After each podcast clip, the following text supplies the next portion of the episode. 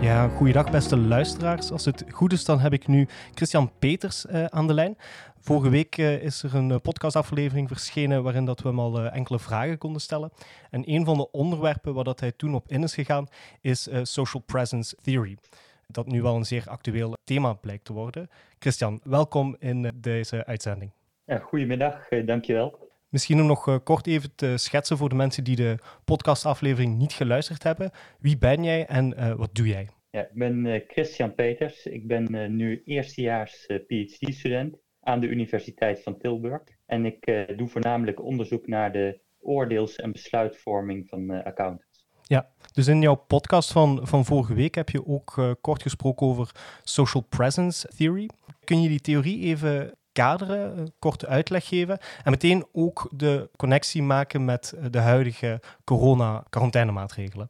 Ja, het is eigenlijk al een eh, redelijk oude theorie uit eh, de psychologie. En die theorie die stelt eigenlijk dat uh, de sociale effecten van een media afhangen van de mate waarin er sociale aanwezigheid is. Ja. Dus concreet houdt dat in dat in een medium waarin veel sociale aanwezigheid is, dat gesprekspartners meer warmte en betrokkenheid voelen.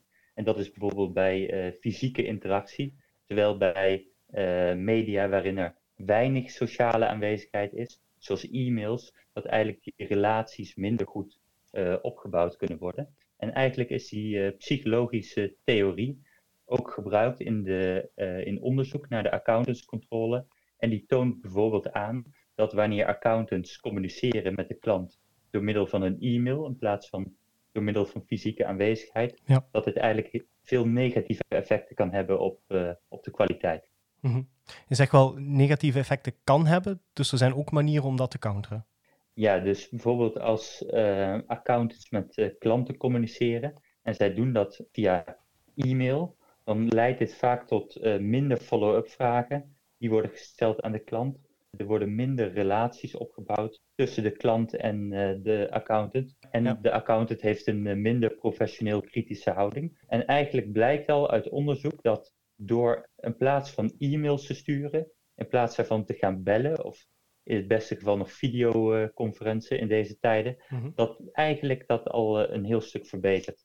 Dus door simpelweg um, niet via e-mail te communiceren, maar dat via een telefoongesprek of een videogesprek te doen, kan de kwaliteit al verbeteren van het werk.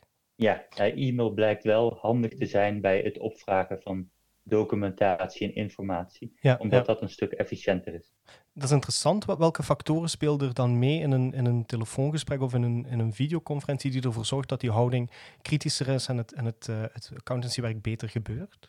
Um, een van de factoren die daarin meespeelt is dat je in een telefoongesprek of in een videogesprek meer cues uh, ontvangt van de persoon waarmee je contact hebt. Dus een hele hoop communicatie verloopt ook non-verbaal. Ja, wat, wat, zie jij nu als de grote um, onderzoeksmogelijkheden die, die er ontstaan zijn door de coronacrisis voor jouzelf?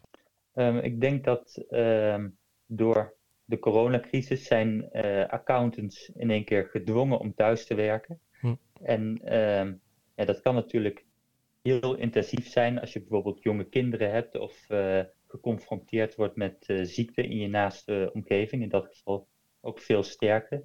Maar eigenlijk blijkt ook dat accountants zich heel goed aan kunnen passen aan deze situatie en zich goed uh, staande houden. En eigenlijk blijken er misschien wel veel meer dingen mogelijk dan, dan vooraf gedacht. En eigenlijk zou ik het ook wel interessant onderzoek vinden om te kijken van wat zijn nou die effecten van telewerken op de accountantskwaliteit. En dat is nu bijvoorbeeld een uitgelezen kans om dat te onderzoeken. Ja, ja, inderdaad. Een zeer interessante casus, los van de, de vreselijke omstandigheden. Um, de accountancy sector handhaaft zich momenteel, is, is jouw indruk? Ja, ik vind dat, uh, dat eigenlijk de accountants zich heel kranig weren. En dat um, ik hoor ook veel vanuit de praktijk dat toch ja, het nieuwe normaal wordt het dan uh, genoemd. Maar dat dat wel snel wendt. Ja, in de zin van um, eigenlijk de werkzaamheden uitvoeren op afstand werkt snel. Natuurlijk missen accountants het sociale contact met uh, collega's, met de klant. En dat is natuurlijk onvervangbaar. Mm -hmm. uh, maar eigenlijk de werkzaamheden aan zich die gaan eigenlijk heel goed, wat ik hoor, via telewerk. En dan de, de key takeaway voor, voor telewerken is eigenlijk om toch zoveel mogelijk echt in dialoog te gaan met collega's, met cliënten. Niet via e-mail, maar dan via teleconferencing en via telefoongesprekken. Ja, dat klopt. En misschien is nog een uh, tweede key takeaway dat uh, je ook oog moet hebben voor jonge accountants. Want accountants die net beginnen, blijkt uit de literatuur ook, vinden het vaak moeilijk om uh, fouten die ze maken aan te geven of zaken waar zij mee worstelen mhm. duidelijk te maken bij, bij teamleden. En juist die coronacrisis kan daar een extra barrière door vormen. Dat in plaats van dat je met elkaar als team zit en het even kan vragen, dat je je manager of je uh, supervisor op moet bellen. En ik denk dat het dus belangrijk is om ook goed oog voor staff auditors en junior auditors te hebben in deze tijden. En uh, ja, te zorgen dat zij ook deze informatie durven te delen. Ja, hartelijk dank. Heel helder. Ik denk dat we het hierbij gaan, uh, gaan afsluiten. Uh, bedankt voor deze extra uh, kadering rond telewerken en, en de, de uitdagingen die dat, die dat in zich houdt. Ja, jullie ook hartstikke bedankt voor het fijne gesprek.